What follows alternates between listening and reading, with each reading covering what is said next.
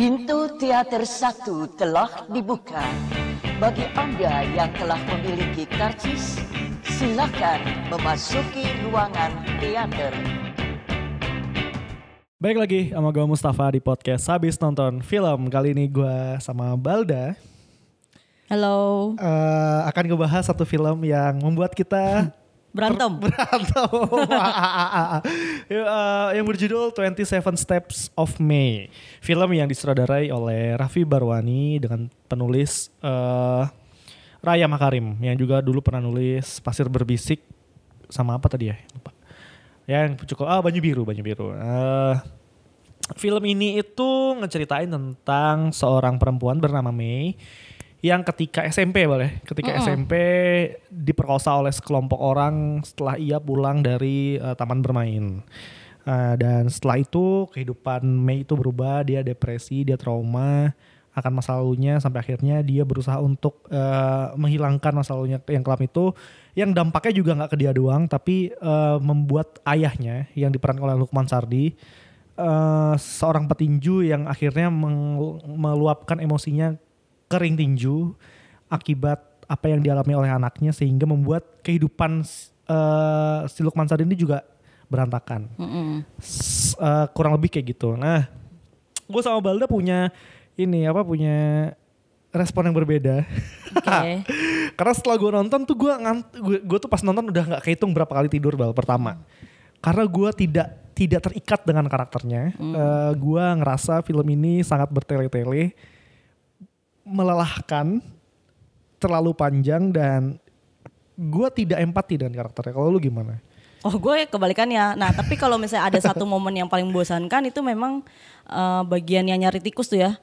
Gue nggak mengerti kenapa eh, apa esensinya nyari tikus itu lama banget. Nyari Itu tikus gua yang mana ya? Yang mana ya? juga sih. Nyari tikus, ya, tikusnya lucu itu tikus putih, terus masuk ke. Oh I see, Ah, ya. ah. Jangan pas itu lu lagi tidur Enggak, juga. gue tahu, gue dia nangkapnya pakai bot, pakai ka, ka- apa toples kan? Iya. Toples dibalik kan? Nah, gue gue ingat. Nah itu. Tapi Prosesnya se- mungkin gue ketiduran, tapi gue tahu dia cari itu gue tahu. Tapi setelah itu apa yang terjadi gitu kan nggak terlalu berpengaruh Tidak juga ada, kan. Kenapa ada. harus lama itu? Itu doang sih yang bikin. Secara overall gimana? Nah secara overall, ih dari awal aja tuh Raihanun tuh udah main pasar malam itu tuh kayak anak-anak semua. Bahkan gue juga kalau main ke pasar malam tuh sebahagia itu Sebahagia gitu itu, kan. oke. Terus pas pulang eh, menuju pulang tuh dia ya udah di geng-beng aja sama preman-preman gitu kan. Iya, bener. Anjir itu tuh nggak tahu ya gue merasa tuh ah, serem banget.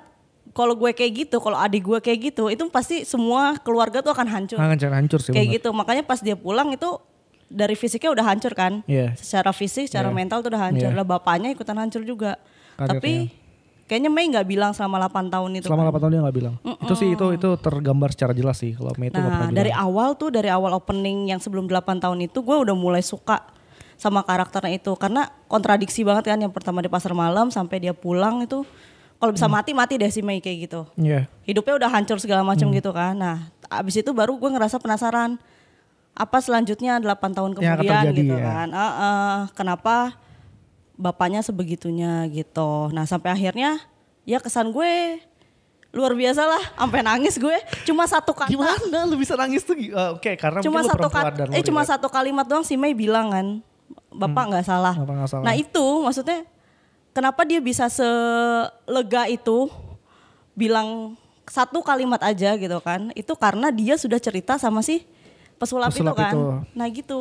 Kadang-kadang tuh kalau eh, korban kekerasan seksual atau pelecehan seksual nggak akan cerita. Eh, eh, nggak akan cerita sama orang tua pun malu sama siapa pun malu tapi ternyata dia merasa nyaman dengan si orang lain ini Hmm.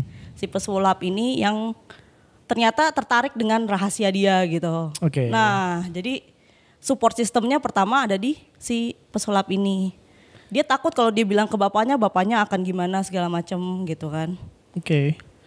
Oke, Tuh, gue masih gue merasa kayak wah ini mewakili suara gue atau eh, korban kekerasan lainnya gitu kan Iya iya. Tapi tapi interaksi antara Mei dan bapaknya tuh menurut gue sangat-sangat gak kerasa bal. Ya karena nggak bicara mereka itu kan. Iya, maksud gue maksud gue itu itu gak kerasa sebagai anak dan bapak malah. Hmm. Karena karena asing banget kan dua-duanya sangat asing interaksinya kayak cuma pandang-pandangan mata, ngobrol nggak ada, di meja makan nggak ada yang berusaha untuk membuka topik. Eh, satu-satunya adegan tadinya gue berharap ketika si bapaknya Sulman Sardi itu berusaha untuk menarik Mei dari rumah karena Mm, kebakaran. kebakaran. Di situ mulai ada interaksi-interaksi. Tadi gue berharap gitu, meskipun sebelumnya dia diem gitu. Interaksi dalam bentuk apa maksudnya ngomong? Dialog, ah, terus mencoba untuk menggali apa sih sebenarnya permasalahannya atau sebelumnya kenapa dia kayak kayak gue ngerasa ada ada ke- ada kehampaan di rumah itu yang yang yang gue nggak tahu kenapa itu sangat tidak tidak tidak tidak relate bukan tidak relate tidak gue tidak membayangkan itu sebuah interaksi manusia gitu loh. Hmm, oke. gitu sih jadi kayak ya ini kan kita di, kita di kita kita seolah-olah pandangan kita dibagi dua kan. Pertama kita jadi Mei kedua kita jadi bapaknya gitu. Jadi bapaknya mewakili sudut pandang melihat orang yang mengalami pelecehan seksual gitu. Bapaknya mungkin nggak tahu kalau anaknya tuh melang- mengalami pelecehan seksual itu sedetail apa ceritanya Iya. karena dia tidak pernah diceritakan detailnya. Cuma bapaknya tahu lah pasti. Nah satu lagi versi Mei dia merasa dunia di luar itu sudah tidak aman lagi kan. Makanya dia nggak mau keluar. Gue tuh sangat takut dengan dunia luar. Tapi itu tidak terkoneksi satu sama lain gitu sih. Gue ngerasa kayak eh start from apa ya dari awal ya hmm, kan kan dia ceritanya main di amusement park gitu ya Mm-mm. kayak as gitu Pasar malam. kayak as Pasar malam itu bukan amusement park. oh bukan ya Amusement park tuh kayak Dufan yang Oh, iya, iya, mewah iya, gitu iya, kan. iya, Ini pasar malam. Se- Sesimpel itu kan, semurah itu. Tapi Iya. Ya, bahagia sebahagia itu. kayak as ya terus tiba-tiba Ah. dia ketemu sama kembarannya Eh, setelah itu dia diculik yang dia tuh nyari apa sih sebenarnya? Yang dia menunduk itu ngeliatin apa sih? Kan dia dia nunduk dulu tuh.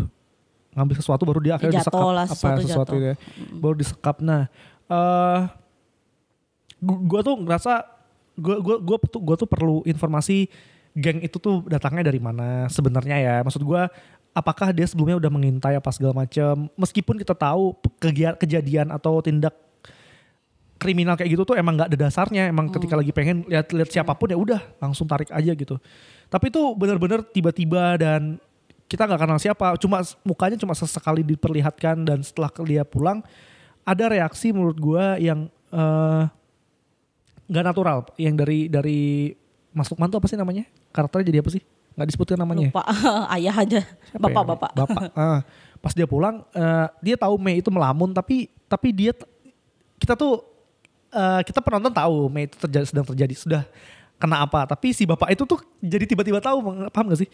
Hmm. Mei itu kan baru sampai depan pagar tuh, Mm-mm. terus bapaknya lewat terus Mei, Mei, Mei gitu. Kayak kayak terus ketika anaknya masuk bapaknya megang kepala dari luar terus gue gue dia ngapain ya? Harusnya kan diajak ngobrol gitu ditanya kenapa dirangkul. Tapi itu nggak terjadi gitu. Yang gue ngerasa ikatan antara bapak dan anak ini tuh tidak tidak terjalin gitu loh. Gitu sih Hmm. itu salah satu dari sekian banyaknya terus ini pertanyaan besar gue yang mungkin mewakili banyak orang sih atau ketika mungkin lu nonton dan lu tahu eh, itu pesulap tuh datangnya dari mana sih Ya out of nowhere aja. orang aware aja ya itu bener-bener awalnya gue kira itu ilusi apa segala macam kan. berharapnya ternyata itu ilusi gitu. gue berharap itu ilusi Ada Kalau- interaksi sama bapaknya juga Nah kan. itu yang bikin hancur ilusi. Ah ini mudahan gue. Ini tuh ilusi mudahan si Mei itu mem- mempunyai eh, apa ya harapan dan impian dan ia itu menceritakan lewat mi- mimpinya atau apalah. Ternyata beneran loh. Ternyata itu tuh Beneran. real manusia real gitu dan bukannya di belakang rumahnya tuh kemarin kebakaran ya. rumah belakang rumah tuh gue nggak tahu ya belakang rumah tuh bagian yang mana. Iya, Apakah harusnya ru- dekat-dekat kamarnya itu. Mei itu kan terkoneksi ke kamarnya Mei kan? Iya.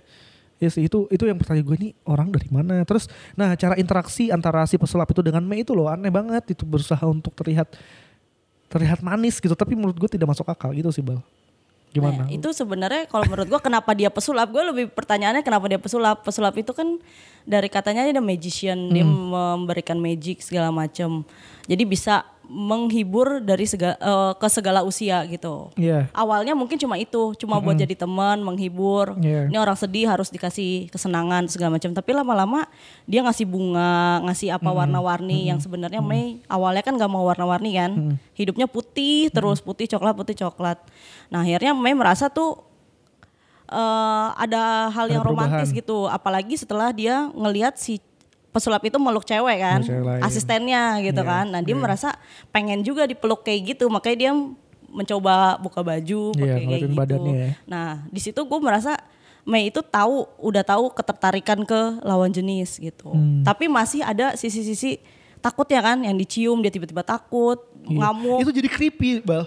Iya. Si si pesulap itu suddenly tiba dia jadi creepy, jadi sosok yang anjing serem banget ya. Lu nggak kenal siapa namanya, terus ketika lu ke- pertama kali dipegang terus lu dicium anjing jadi jahat Nah lagi. makanya reaksinya si Mei kalau misalnya perempuan biasa pun akan jadi marah kan. Tapi Pasti. Mei s- dengan riwayat-riwayat buruknya itu kan malah lebih ngamuk segala macem kan. Langsung reaksinya over gitu. Nah gitu sih. Iya, gue tapi gue tidak menemukan karena mungkin lu nonton dari perspektif perempuan yang dekat dengan pelecehan seksual itu ya. Maksudnya eh lu mungkin lu nggak ngerasain itu tapi banyak dengar cerita yang kayak gitu dan lu punya pandangan eh, bagaimana perempuan kalau dikena kayak gitu tuh efeknya panjang banget dan besar banget kan. Nah, sedangkan gue dari laki-laki gue gue harusnya gue merasa empati dengan kejadian itu tapi menurut gue ini nggak berhasil bang nggak tahu kenapa. Eh, sepanjang film gue cuma merasakan tekanan-tekanan yang oke gue aware itu terjadi sama si Mei tapi gue tidak berusaha untuk empati jauh lebih dalam karena gue tidak disisipkan eh, apa ya perjuangan bapaknya untuk meredam itu karena bapaknya kan nggak berusaha untuk apa apa bener gak? bapaknya kan nggak berusaha apa apa kan Nah iya jadi kalau menurut gue posisi lu tuh kayak bapaknya. Iya. Kenapa Mei nggak mau cerita dan kenapa Mei nggak nggak masuk ke simpatik lu Hmm. gitu? Karena lu nggak terlalu empati sama Mei gitu. Merasa Hmm. kayak ya udah biasa aja. Nah bapaknya ngira eh, paling ya biasa aja gitu kan. Iya. Dia sampai enggan untuk bilang kenapa kenapa sampai akhirnya pas setelah berantem sama si pesulap baru nanya kan, kamu kenapa? Nah baru bapaknya tuh sadar gitu. Kalau menurut gue kayak gitu ya dari cara lu ngomong. iya gue gue tuh kayak gue tuh kayak tidak kenal dengan Mei gitu jadinya kayak Oke. kayak Mei itu eh, kita tahu Mei punya gangguan mental pada akhirnya kan setelah kejadian itu karena cara dia interaksi dengan manusia pun sangat-sangat aneh ya. Even ke bapaknya sendiri aja itu asing banget dia keluar pintu cuma buat makan gitu. Dan kenapa meja itu selalu keluar masuk keluar masuk gue gak ngerti deh kenapa di dalam aja. Oh, ya dipakai buat apa? Itu meja makannya dia bukan sih? Du, iya meja itu meja itu tuh kenapa nggak ditaruh dalam aja terus nggak ngangkat-ngangkat meja. Mungkin itu ingin memperlihatkan kalau tetap ada kegiatan antara anak dan bapak ya. Maksudnya Uh, ngangkat-ngangkat nah, sepanjang film kan bapaknya tuh pandangannya kayak kepo kan. Ini anak kenapa Kepo, sih? Ini iya, anak kenapa, kenapa, sih uh. gitu kan. Tapi nggak berani ngomong karena emang keburu ada pagar gitu kan si Iya. Mei-nya. Gitu. terlalu panjang sih menurut gue film ini karena eh, apalagi soal bapaknya berantem tinju-tinju tuh menurut gue Iya, dan itu eksesif banget ya. Berlebihan gitu. Tapi gue jadi kenal bapaknya dari tinju-tinju itu sih. Pasti eh, apa promotornya bilang dia udah berubah gitu kan. Iya. Is getting better. Terus yang Hengki Sulaiman ben apa getting better apanya gitu kan makin jelek mainnya gitu kan. Iya, Maksudnya iya. getting Jadi better. makin aman ya. ah. Nggak emosional lagi. Iya benar. Banyak dialog yang menurut gue, gue kayak nonton filmnya Timo bal. Film bahasa Inggris yang di Indonesia kan gitu. Kayak gimana? Kayak eh, apa ya? Apalagi percakapan antara bapaknya sama Hengki Sulaiman, Ferdi Sulaiman. Ferdi Sulaiman, Ferdi Sulaiman sih bisa Ferdi Sulaiman dia mencairkan suasana suasana, sih. tapi Mas Lukmannya berusaha oh ini masih apa ya entah directing atau apanya gue ngerti kaku cara ngomongnya terus apalagi yang ini yang bos petinju itu yang lu soal lebay yang marah-marah sendiri itu nih lu jangan lihat dia dia itu bla bla bla bla bla anjing gue bilang ini lebay banget cara ngomongnya itu sih kayak I don't know kenapa ya kayak gue berusaha kar- dan gue masuk dengan ekspektasi yang sangat tinggi gitu gue gua berharap eh, ya gue berharapnya di, di dalam itu banyak kejutan-kejutan yang menarik tapi ternyata repetisinya juga lumayan ya apalagi yang benar yang tikus itu entah apa tujuannya sih apa gue dia nggak tahu loh awalnya kalau si film ini tentang itu. oh nggak tahu emang Gue ya. nggak nggak riset apa pun. Gue cuma lihat posternya. Teman gue cuma bilang ya bagus ini film terbaik apa segala macam. Tapi gue nggak nggak nanya nggak nanya itu tentang apa sih gitu kan. gue tahu film ini dari zaman Jogja Film Festival kemarin karena kan Nah, dia iya. menang Golden Hanoman kan Ditayangin ya di JAV ya kayaknya. Sayangin dan di JAV juga apresiasinya juga lumayan bahkan menang kan Menang apa? penghargaan terbaiknya Oh. JAV tuh dia menang se Asia Tenggara lah se Asia tuh dia bisa menangin tapi itu entah sebagai sebuah film gua nggak nggak kehitung deh gue tidur berapa kali sumpah Eh, terus yang lucunya ada penonton yang sebelah gua itu ketika film selesai terus dia bilang udah gini aja gitu terus kayak Lu nonton di mana emang? di tim Oh di tim. harusnya tim itu lumayan penontonnya penonton yang lumayan mengerti ya eh, Tim kalau nggak salah kemarin ada nobar deh. Oh iya, yang serius? soalnya kemarin kan eh hari Sabtu tuh ada long march gitu. Eh lu hari Minggu. Oh minggunya gue, ya ada long Sabtunya march gue gitu kan, Screen. siangnya baru di tim. Iya, nah gue gitu. nonton di Setiabudi tuh lumayan penuh dan pada tepuk tangan gitu lah habis nonton. Anjir gue, gue dapat Gue nggak sanggup tepuk tangan karena gue nangis. masih nangis. gue entah kayaknya gue ketemu crowd yang kurang lebih kayak gue responnya gitu Ah, diem iya. aja yang bingung. Iya apa ya film ini ya. Terus ah ini gue juga mungkin lu sempat kepo atau enggak. eh 27 Step of May itu artinya apa? Langkah dia dari kamar menuju keluar kayaknya. Tapi gue nggak ngitung juga sih. Kayaknya. Kayaknya ya Kayaknya. sama yang gua yang gua rasakan sih itu kayak oh kayaknya 27 tuh sampai akhirnya titik dia berhenti di film itu loh Ah. yang sampai dia keluar itu. Tapi Iya. tapi kenapa judulnya harus itu gitu? Gua Ya biar penasaran aja. What is, iya kan? What is 27 gitu. meskipun pada akhirnya filmnya tetap eh filmnya apa ketika dia melangkah itu emang ada suaranya kedengeran banget ya. Iya. Kletek. Gue kira Mei itu malah bukan nama orang. Gue kira nama bulan Mei. Oh, oke. Gue kira Oke, kan, oke, nah oke. ini apa-apa. Tapi ternyata nama orang. Ngomongin yang dia bilang bapak nggak salah itu gua lebih dapet yang di keluarga Cemara loh. Oke. keluarga Cemara juga kan Heeh. bapak tuh nggak salah gitu nah gue gue sangat dapet di sana kalau ini nggak tahu kenapa ya kayak eh, pertanyaan besar gue tuh kenapa pesulap itu begitu kenapa tingkah laku pesulap itu kayak gitu nah gue gua kayaknya kelewat itu lobang itu udah da- ada dari sana ya Iya awalnya kecil, terus lama-lama jadi runtuh gitu kan batunya, lama-lama jadi gede. karena dibuka gede. sama sama Mei kan eh jatuh ya jatuh apa dibuka sih? Jatuh dulu awalnya, tapi lama-lama dia ngintip, terus ya udah jadi Dia makin pertama besar. kecil terus ngeluarin sinar itu kan Heeh. yang dia lagi Iya. jumping jumping pakai skipping itu terus ada tembok eh tembok eh nah eh gue tadi sempat bertanya bahwa kenapa bapaknya apa eh, latar belakang dia menjadi penjahit tukang boneka tuh datangnya dari mana ya Nah itu gue nggak tahu sih. kalau petinju maksud gue petinju dan membuat boneka kan suatu hal yang sangat berbeda gitu ya Hmm. ngejahit pula kan si bapaknya itu. Eh, kalau dia dulu pensiunan petinju terus jadi penjahit gue masih bisa maklumi tapi ternyata Masih berbarengan. masih berbarengan juga yang itu gue nggak ngerti kenapa dan film ini tuh menurut gue sangat satu dimensional karakternya Lukman Sardi itu dari awal gitu aja terus dia nggak punya pandangan lain terhadap Mei gitu. Dia dia dia selalu merasa dia tuh salah terus salah terus sampai akhirnya sedikit kebuka di akhir terus dia ngerasa salah lagi sampai akhir. Dan Mei itu begitu juga Eh, tapi kalau Mei sih menurut gue karakter yang tidak bisa disalahkan karena emang dia punya apa ya punya eh background yang ya dia sangat dia sangat trauma dan apa pun yang dia lakukan di situ bentuk rasa trauma dia terhadap dunia gitu.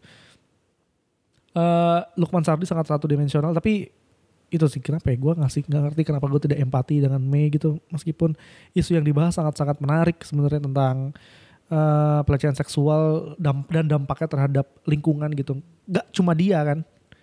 Nggak cuma si Mei yang punya permasalahan itu pada akhirnya. Si bapaknya juga karirnya berantakan dia sampai bunuh orang di ring tinju. Itu sih Saking nggak bisa berbuat apa-apa lagi bapaknya untuk meluapkan emosi itu gitu kan. Kalau misalnya dia tahu siapa yang pemerkosanya bisa ditunjuk di tempat gitu kan. Iya, Dibunuh benar. di tempat. Masalahnya dia nggak ada pelampiasan dan nggak mungkin juga marah-marah di rumah. Iya, itu bisa makin kacau si Mei, si Mei bisa goret-goret lagi kan. Iya benar-benar.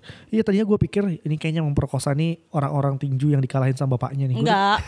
eh kalau itu malah jadi Jadi receh, banget, malah jadi receh. Memang tersangka tuh out of nowhere mu. Atau sama versi iya tapi itu sih. Nggak, dan gue nggak perlu tahu dia tuh backgroundnya seperti apa memang penjahat Iya, mah penjahat penjahat, aja ya penjahat, mungkin dia penjahat. tuh bisa jadi orang baik ya kan maksudnya Iya. orang jujur segala macam tapi ketika lagi Ada sange kesempatan gitu ya. kan ya bisa aja kan Dia lagi pengen gitu. Mabuk sih kelihatan banget. Tadinya eh gua gua kan nonton sama Amel ya. Eh, Hmm. Dia bilang ini kalau makan nasi putih itu tandanya dia mau mensucikan diri gitu. Eh, jadi Nggak, dia trauma sama Eh, warna-warni karena karena kan kegiatannya sebenarnya dilihatinnya makan dulu baru ke- baru Ah, masa lalunya karena jadi kalau di Korea itu ternyata orang yang keluar dari penjara orang habis melakukan kesalahan itu harus di harus makan makanan putih untuk mensucikan masa lalu dia yang kotor bang. gitu. Tadinya gue pikir itu. Dia ngerasa berdosa.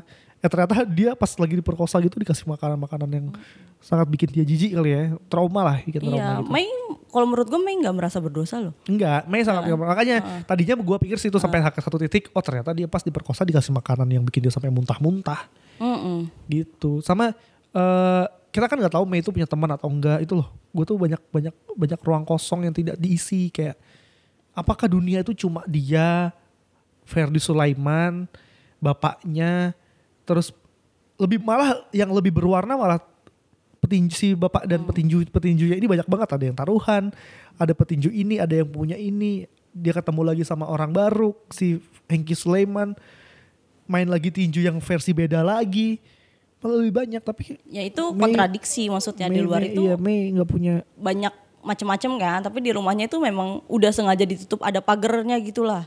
Hmm. Bapaknya pun gak mau ngundang orang masuk, si Mei-nya juga gak mau nerima gitu kan, dan gak mau keluar juga. Jadi ya udah hidup Hmm. kita cuma berdua doang gitu. Kalau masalah teman, kalau menurut gue dari awal juga Mei nggak terlalu dijabarin punya teman siapa kan. ya? Iya. Nah yang di pasar malam Sendirian. kayaknya dia eh, fokusnya dia ketawa-ketawa sendiri aja. Terus dia pulang sendiri gitu. Iya, Emang iya. habis itu nggak ada lagi. Gak ada gitu. lagi benar-benar gak ada lagi Meskipun misalnya nanti di tengah-tengah 8 tahun itu ada temennya yang nyamper misalnya kayak gitu, Mei kenapa pas macam sakit segala macam, tetap aja Mei pasti ngurung diri itu. Jadi kalau menurut gua nggak perlu ada teman-temannya itu karena Mei udah nggak mau berinteraksi sama siapa pun, bapaknya aja nggak ngomong itu. Hmm, hmm, hmm, hmm. Iya, iya, iya. Iya sih. Eh, nggak tahu deh kenapa ya.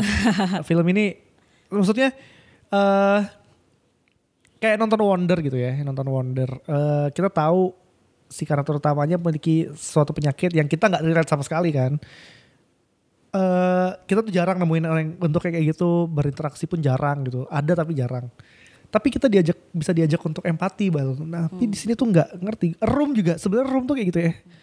Ya nggak sih beda ya. Kalau room itu mainnya Room itu hampir sama kayak satu lokasi kayak Mei juga. kayak Mei juga. Tapi kita bahkan kita tahu di satu ruangan itu ada isinya apa aja sama di room itu. Karena dia selalu berinteraksi dengan ruangan itu. Kalau ini atau 8 tahun eh, dia nggak cerita apa-apa, terus sebelahnya ada pesulap, terus pesulapnya ngelihat pertama kali si Mei.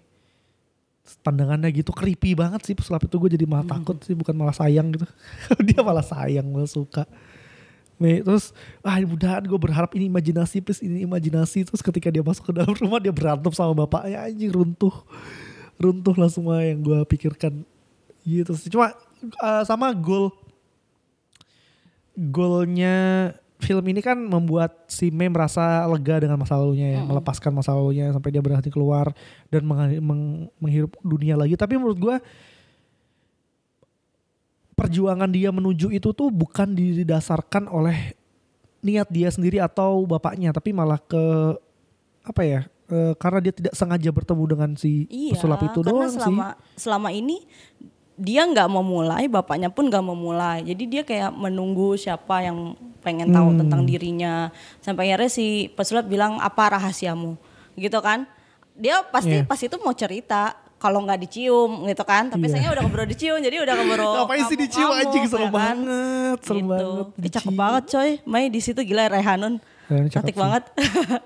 Ya udah karena itu jadinya ada orang baru emang kadang-kadang support system itu dari outside nggak harus dari inside apa Gua segala sih optimis dan punya Rehanun punya kans besar untuk menang FFI ya. macam. apa Menang FFI. oke oh Rehanun harus menang nih harusnya Kansnya besar banget Eh, karena dia bisa menunjukkan rasa traumatik itu iya. Gue tahu itu traumatik tapi ceritanya itu loh. Gue tuh lebih ke kosongan dia sama bapaknya, terus Ferdi Sulaiman yang kenapa harus boneka, apa apa karakter boneka itu, terus ibunya kita nggak pernah dengar cerita ibunya. dia meninggal aja dari Bener-bener nggak pernah cerita, nggak pernah diceritakan sama sekali itu nggak pernah. dan nggak ada fungsinya juga ibunya Benar sih nggak ada, tapi ya itu bal kecil banget dunia itu ngerasa gue ngerasa eh, terus si pesulap itu juga begitu deh cukup aneh. Oh, kayaknya kalau boneka itu dia bisa ngejahit baju sesuai dengan inspirasi dia atau sesuai Iya, dengan yang dia apa yang dia mau saat itu dia pengen jadi pesulap, dia nggak jadi pesulap. Heeh.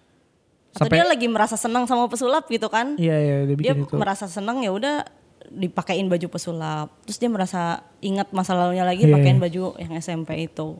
Iya benar-benar. Interaksi sih gue gua gua sangat terganggu dengan interaksi antar pemainnya yang nggak nggak nggak natural. Gue gua ngerasanya itu dialognya pun gitu deh.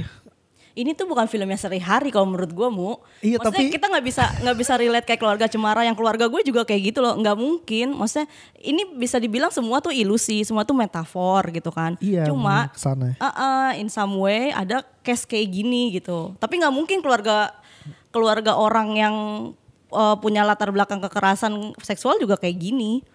Pasti akan lebih cair Pasti gitu akan lebih kan. cair, itu, dan itu. mungkin ada Itu yang lebih, gua lebih itu. ada ide lebih ada ide untuk pengobatan apa Ah, ya kan ah, ah. psikiater sepanjang film tuh gue selalu merasa kenapa nggak ke psikiater aja? tapi gue mikir mungkin bapaknya nggak afford untuk itu gitu Oh, kan bap- bapaknya ngerasa dijampi-jampi anaknya ya? iya uh-uh, bisa jadi kayak gitu kan Itu sih bener, lu menemukan kata tidak cair. Eh, kita tahu case-nya sangat spesial. Pemerkosaan yang sangat spesial tapi tidak cair. Gue ngerasa itu tidak cair gitu. Itu sih bal yang membuat gue terganggu karena eh udah pertama bapaknya dan si Mei itu nggak cair. Terus ketemu lagi pesulap yang pesulap yang aneh lagi yang yang tangannya bergerak-gerak sana sini. Gitu sih. Iya, kalau misalnya normal nih, misalnya katakanlah Mei ini di kehidupan nyata, Hmm. pasti eh, Lanjut aja Bal. kalau misalnya Mei di kehidupan nyata, eh, pasti keluarganya nggak bakal sekaku itu kan. Hmm. Bisa jadi dia apa namanya nggak sampai 8 tahun lah diemnya seperti itu. Iya. Atau mungkin bapaknya malah masukin dia ke rumah sakit jiwa, menganggap si Mei ini gila. Iya. Hmm. Logikanya kayak gitu kan orang tua kalau misalnya atau lu bilang tadi jampi-jampi, ke Iya, iya. dukun lah atau ke orang iya, pinter iya. segala macam Iya. kan. Cuma ya di sini ya kita emang nggak bikin keluarga sekeluarga keluarganya maksudnya kayak gitu. Nggak bisa bikin se Se- apa ya, se- senyata-nyatanya. Senyata-nyatanya ya. Benar-benar dibikin dibikin artsy dibikin ya. artsy itu itu dibikin artsy dibikin apa pakai baju pakai baju kayak penari balet. Tadi itu gue ngira dia tentang penari balet yang memiliki kelainan yang nggak bisa kena matahari Nah, gitu loh. kenapa, kenapa dia pakai baju itu kan? Dan kenapa Iya. pakai kaos kaki di rumah Kaos kaki gitu iya, kayak penari kan. balet gitu. Tadi oh ini baju kayak penari balet nih. Itu pasti menyimpulkan menyimpulkan sesuatu tapi lah. gue tidak menemukan itu Bal, sama simbol-simbol itu. Tapi teman gue ada yang merasa film ini punya banyak hal yang bisa diceritakan. Bahkan benda-bendanya bisa ngomong satu sama lain. Ya bisa aja. Kalau misalnya tergantung pemaknaan masing-masing Iya. kan. Ketika nonton dan apa ekspektasi lu sebelum masuk gue gue sih Iya bisa aja, tapi gue terlalu sibuk menikmati kalau misalnya me- apa ya mengartikan itu secara satu persatu. Iya, iya. Cukup untuk si eh, makanan aja. Gue mikir ini dia nggak bosan apa makan itu terus, tapi ternyata oh Iya. dia takut gitu kan buat makan itu takut. Terus baju warna-warni, pas Iya, dia keluar pakai biru itu rasanya seger ya kan, kayak langit ya, kayak, cerah ya cerah ya. gitu. Rambutnya di di Digerai apa namanya panjang, digerai. digerai panjang. Nah, itu. lebih ke situ. Iya Tapi sih. keluarga kenyataan emang gak akan kayak Nggak gitu. kayak gitu kan. Terus itu hal yang kita sepakati kita. Iya. Karena lu bisa menerima film ini tidak nyata. Gue nggak bisa menerima itu. Gue tuh berharap anjing ini tuh ya oke ini kalau lu pengen bercerita tentang seksual apa ke- kekerasan gini, tolonglah bersikap natural gitu. Upayakan hal-hal yang sifatnya natural meskipun karakter utamanya memiliki sifat depresi dan traumatik yang yang misalnya tuh dia tetap mengurung diri dalam kamar dan dia nggak mau keluar.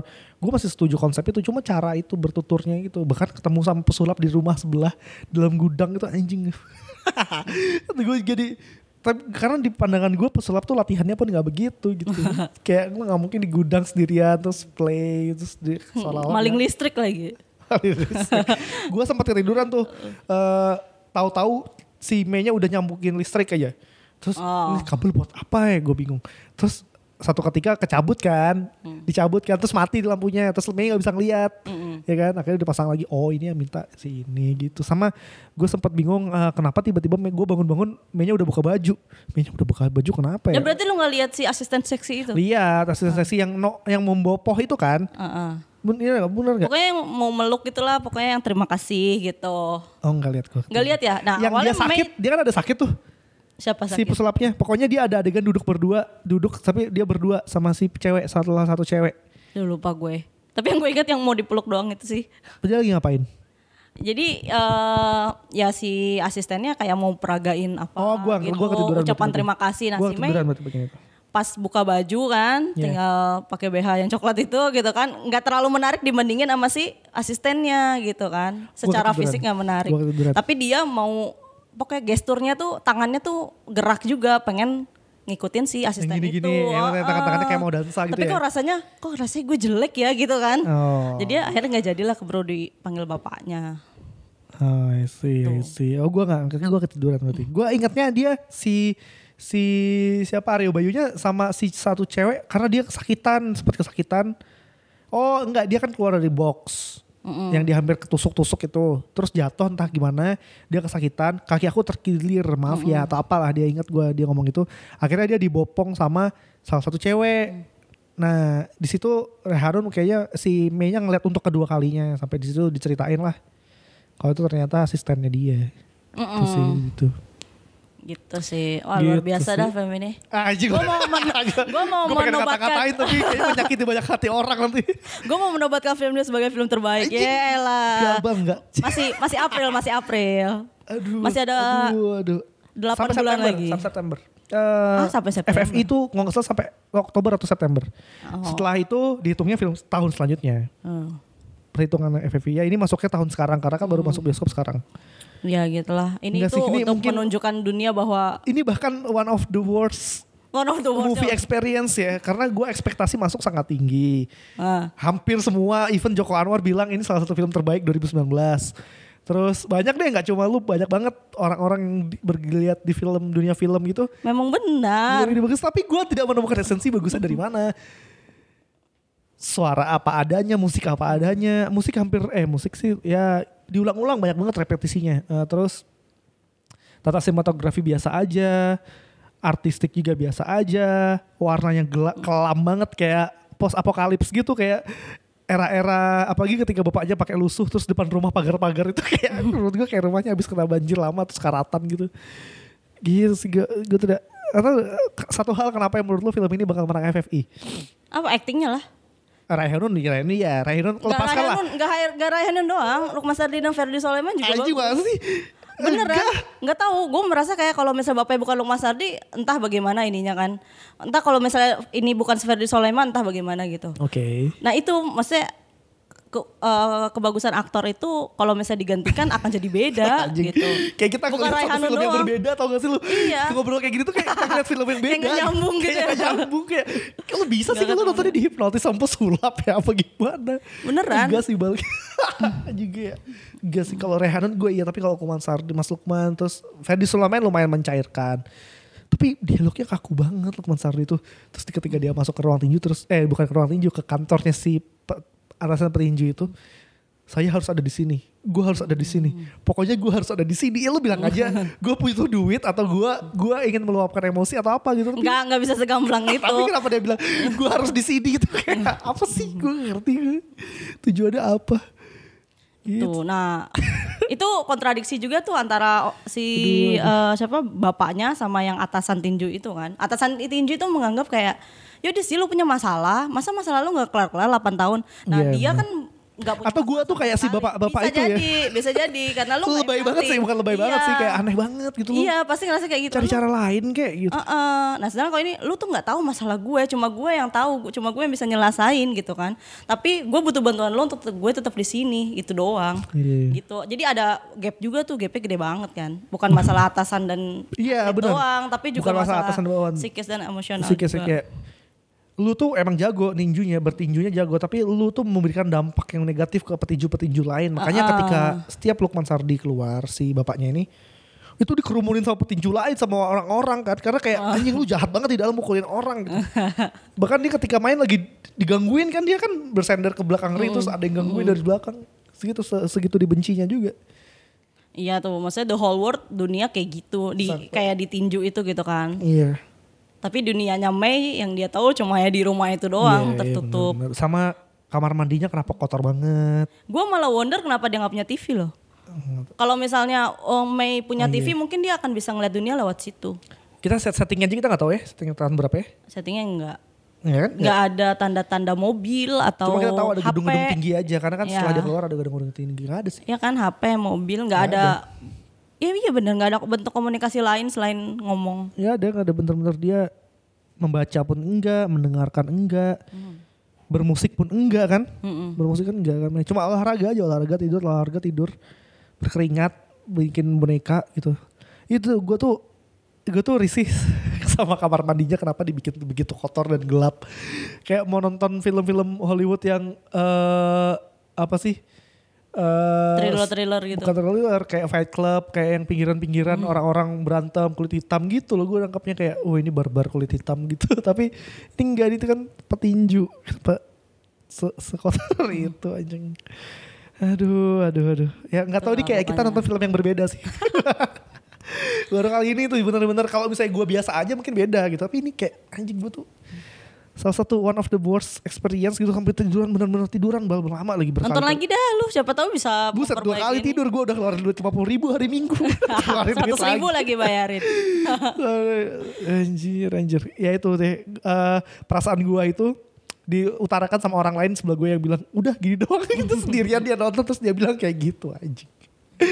aduh, aduh. Ya itu deh. Gue sih, gue suka ya, sih ini. gue berharap. Tapi gue ini tipe film bagus yang gue nggak mau nonton lagi. Karena ya udah terlalu aja. berat. Berat ya. Terlalu berat tau. Gak tau gue abis itu ngerasanya sedih aja. Iya, ya, ya, ya ini kalau yang bikin film dengar podcastnya ya ini Padahal ini happy ending kan. Happy Tapi bisa ending. bikin semua orang nangis. enggak gue nangis. semua orang yang, Yang- terwakili yang- suaranya dengan Mei. gue malah yang bingung dengan ceritanya. empati pada Mei.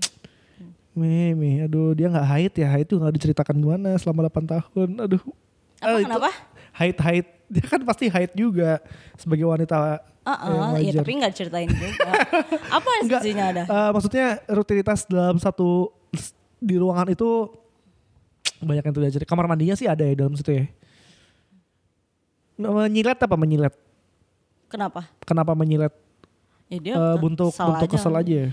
Bukan biasanya bukan. orang-orang yang kayak gitu terlalu putus asa, terlalu ini.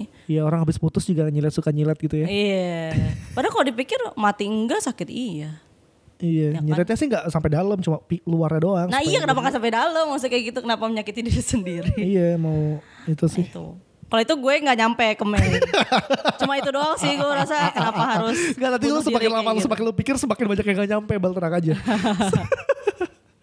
ya nih kalau yang yang bikin denger eh, entah kru atau penulis atau sutradaranya kalau mendengarkan ini ini adalah respon natural dari kami berdua karena kita menonton film yang sama tapi ternyata inilah kekuatan film gitu kayak responnya beda gue tuh sangat wah ini I can say this Nah, is gue one of the worst mewakili yang suka, mewakili yang gak suka. gua gua berharap ini film yang bergerak secara natural meskipun isunya sangat spesial ya. Hmm. Eh, tapi bergeraknya natural. Tapi kalau lu kan bisa menerima ketidaknaturalan film ini gitu. Emang dibuat sengaja se seartistik itu kan Iya. kehidupannya.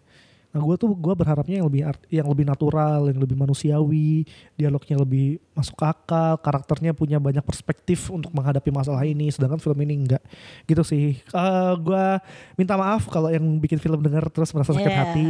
Bukan maksud gua untuk menjelek-jelekan filmnya, sama sekali enggak. Ini ini respon apa yang gua tonton aja, gitu sih. Kayak gue berusaha untuk jujur. Gue gua, gua sangat berusaha untuk menikmati filmnya tapi tidak berhasil sama sekali sih. Kalau gue dari awal kenapa ini gue bisa nerima semuanya aneh gitu kan? Hmm. Karena dari awal case-nya pun udah aneh, ekstrim gitu kan? Hmm. Case-nya bukan aneh deh, ekstrim gitu, bener-bener yang parah gitu. Jadi kalau misalnya katakanlah cuma ada pelecehan seksual dipegang apanya, diperkosa ininya, apa segala macam, dilecehin segala macam, mungkin menurut yang lain biasa aja ya elah masa sampai 8 Iya, tahun. iya. Tapi ternyata ini digengbeng sampai diiket ya kan, Diiket, disulut rokok. disuruh makan, disuruh rokok itu tuh bener-bener yang kekerasan tingkat tinggi gitu Iya, kan. Nah pas abis kejadian itu Mei mukanya udah berantakan, gue merasa wah abis ini mereka nggak akan baik-baik aja.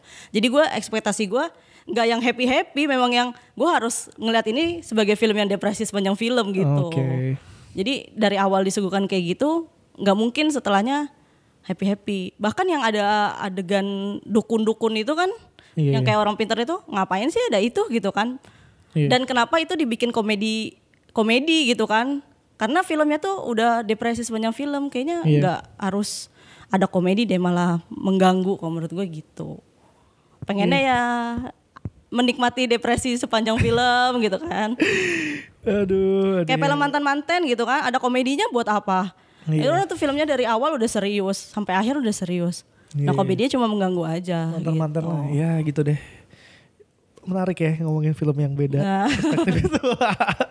Iya, aduh, eh, gua nggak ini gua nonton dua kali pun nggak akan berubah sih kata gua. Apa perspektif gua tidak akan berubah sih, akan tetap sama. Ya kalau misalnya lo yang ngedengerin podcast ini terus ngerasa suka, coba komen di postingan atau DM. Eh, kalau lu nggak suka juga ceritakan, karena gue punya teman juga nggak suka juga sama cara menilai filmnya cara menikmati filmnya sama gitu eh, sama gue dan kayaknya satu dari sepuluh yang nggak suka tuh jadi sembilan suka satu nggak suka gitu. jadi langka banget gitu. Tapi ini ini sih open discussion sih. Maksudnya kalau misalnya ada temen lo yang nggak suka gitu, jangan dijudge apa segala macam. Iya, nah makanya. dikasih tahu suka lo pun ya, sukanya iya, bagaimana, iya, terus lo ceritakan nggak suka. kenapa Oh ternyata suka. gitu, gitu kan. Kayak kita nih nyari tengahnya Dari gitu kan. tengahnya, iya, ternyata. iya, Heeh. iya, benar-benar. Soalnya kan sekarang banyak nih apalagi film-film artsy yang kayak Ave Mariam, kayak Kucumbu, kayak ini Iya, kan. iya. Kalau misalnya dia nggak suka, dijudge. Gitu kan. Benar, Gue benar, aja nggak benar. suka Kucumbu dijudge loh. Siapa? Lo suka kan? Suka. gue nggak suka, gue cuma bilang nggak ngerti gue ceritanya, Iya, gue iya. terlalu jauh sama kayak gini juga Gitu banyak kan. simbol-simbol yang ya Nah, mungkin lu nggak menerima simbol itu gitu sedangkan lu bisa menerima simbol yang ada di di film ini kan beda-beda gitu gua Iya. sangat menangkap sim- simbol yang ada di eh kucumbu gitu dan referensi kita beda kan maksudnya kayak mungkin lu tahu ini ini Jawa Iya, apa segala iya, macam sedangkan gue bukan orang Jawa Iya. terus gue perempuan misalnya gue pernah merasakan apa segala macam lu enggak misalnya kayak iya gitu sama Ave Lebih juga gue gitu. nonton gue bilang suka banyak yang bilang lu suka ini filmnya jelek banget menurut gue iya kalau iya. Ave Mariam Ave Mariam tuh bagus tapi sosok gitu enggak yang terlalu hype Iya, gitu iya, kan iya, iya. beda banget ya Iya. levelnya tuh permukaan lah kisah cinta Iya, kisah cinta benar. antara Biarawati sama eh, Romo udah lah ya. udah permukaan itu aja. Iya, kita kita permukaan, nggak ngasih tahu dalam-dalamnya gitu. Nggak ngebahas soal agama apa enggak sih. Lu kalau ini ya ini tadi ngomongin depresi yang satunya ngomongin masalah maskulinitas sama feminitas gitu ya. Ya, jadi tahun ini lumayan beragam ya Ave Mariam tuh. Iya ya banyak ya. Ave Mariam, Kucumbu sama eh 27 Steps of May ini datang di bulan yang sama gitu. Gila, April tuh betul-betul. Ya, Ave Mariam April juga? April. April ya Mm-mm. April Kucumbu, Trinity kalau kata Watchmen, Trinity film, Trinity Holy Trinity gitu. Tiga film itu ya sih, kalau kelewatan sayang. Itu sih untuk ada lagi bal, udah sih paling cukup ya.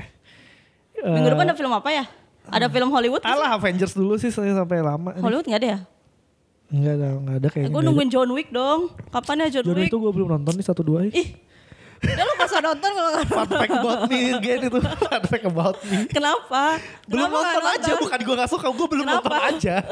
Lu kebanyakan suka drama. Bukan, gue belum nonton aja. Nonton, nonton, Gue nonton. belum nonton aja. Apalagi yang sekarang tuh mau tayang di, mau tayang di IMAX. Sebelumnya tuh satu dua nggak di IMAX. Oh iya, oke. Oke, nanti gue akan coba nonton. John Wick, John Wick. Itu aja untuk episode kali ini. Eh, salam buat yang bikin film. Tolong dengarkan. Kalau lo denger ini mention. Itu aja untuk episode kali ini. Sampai jumpa di episode selanjutnya. Dadah. Dadah.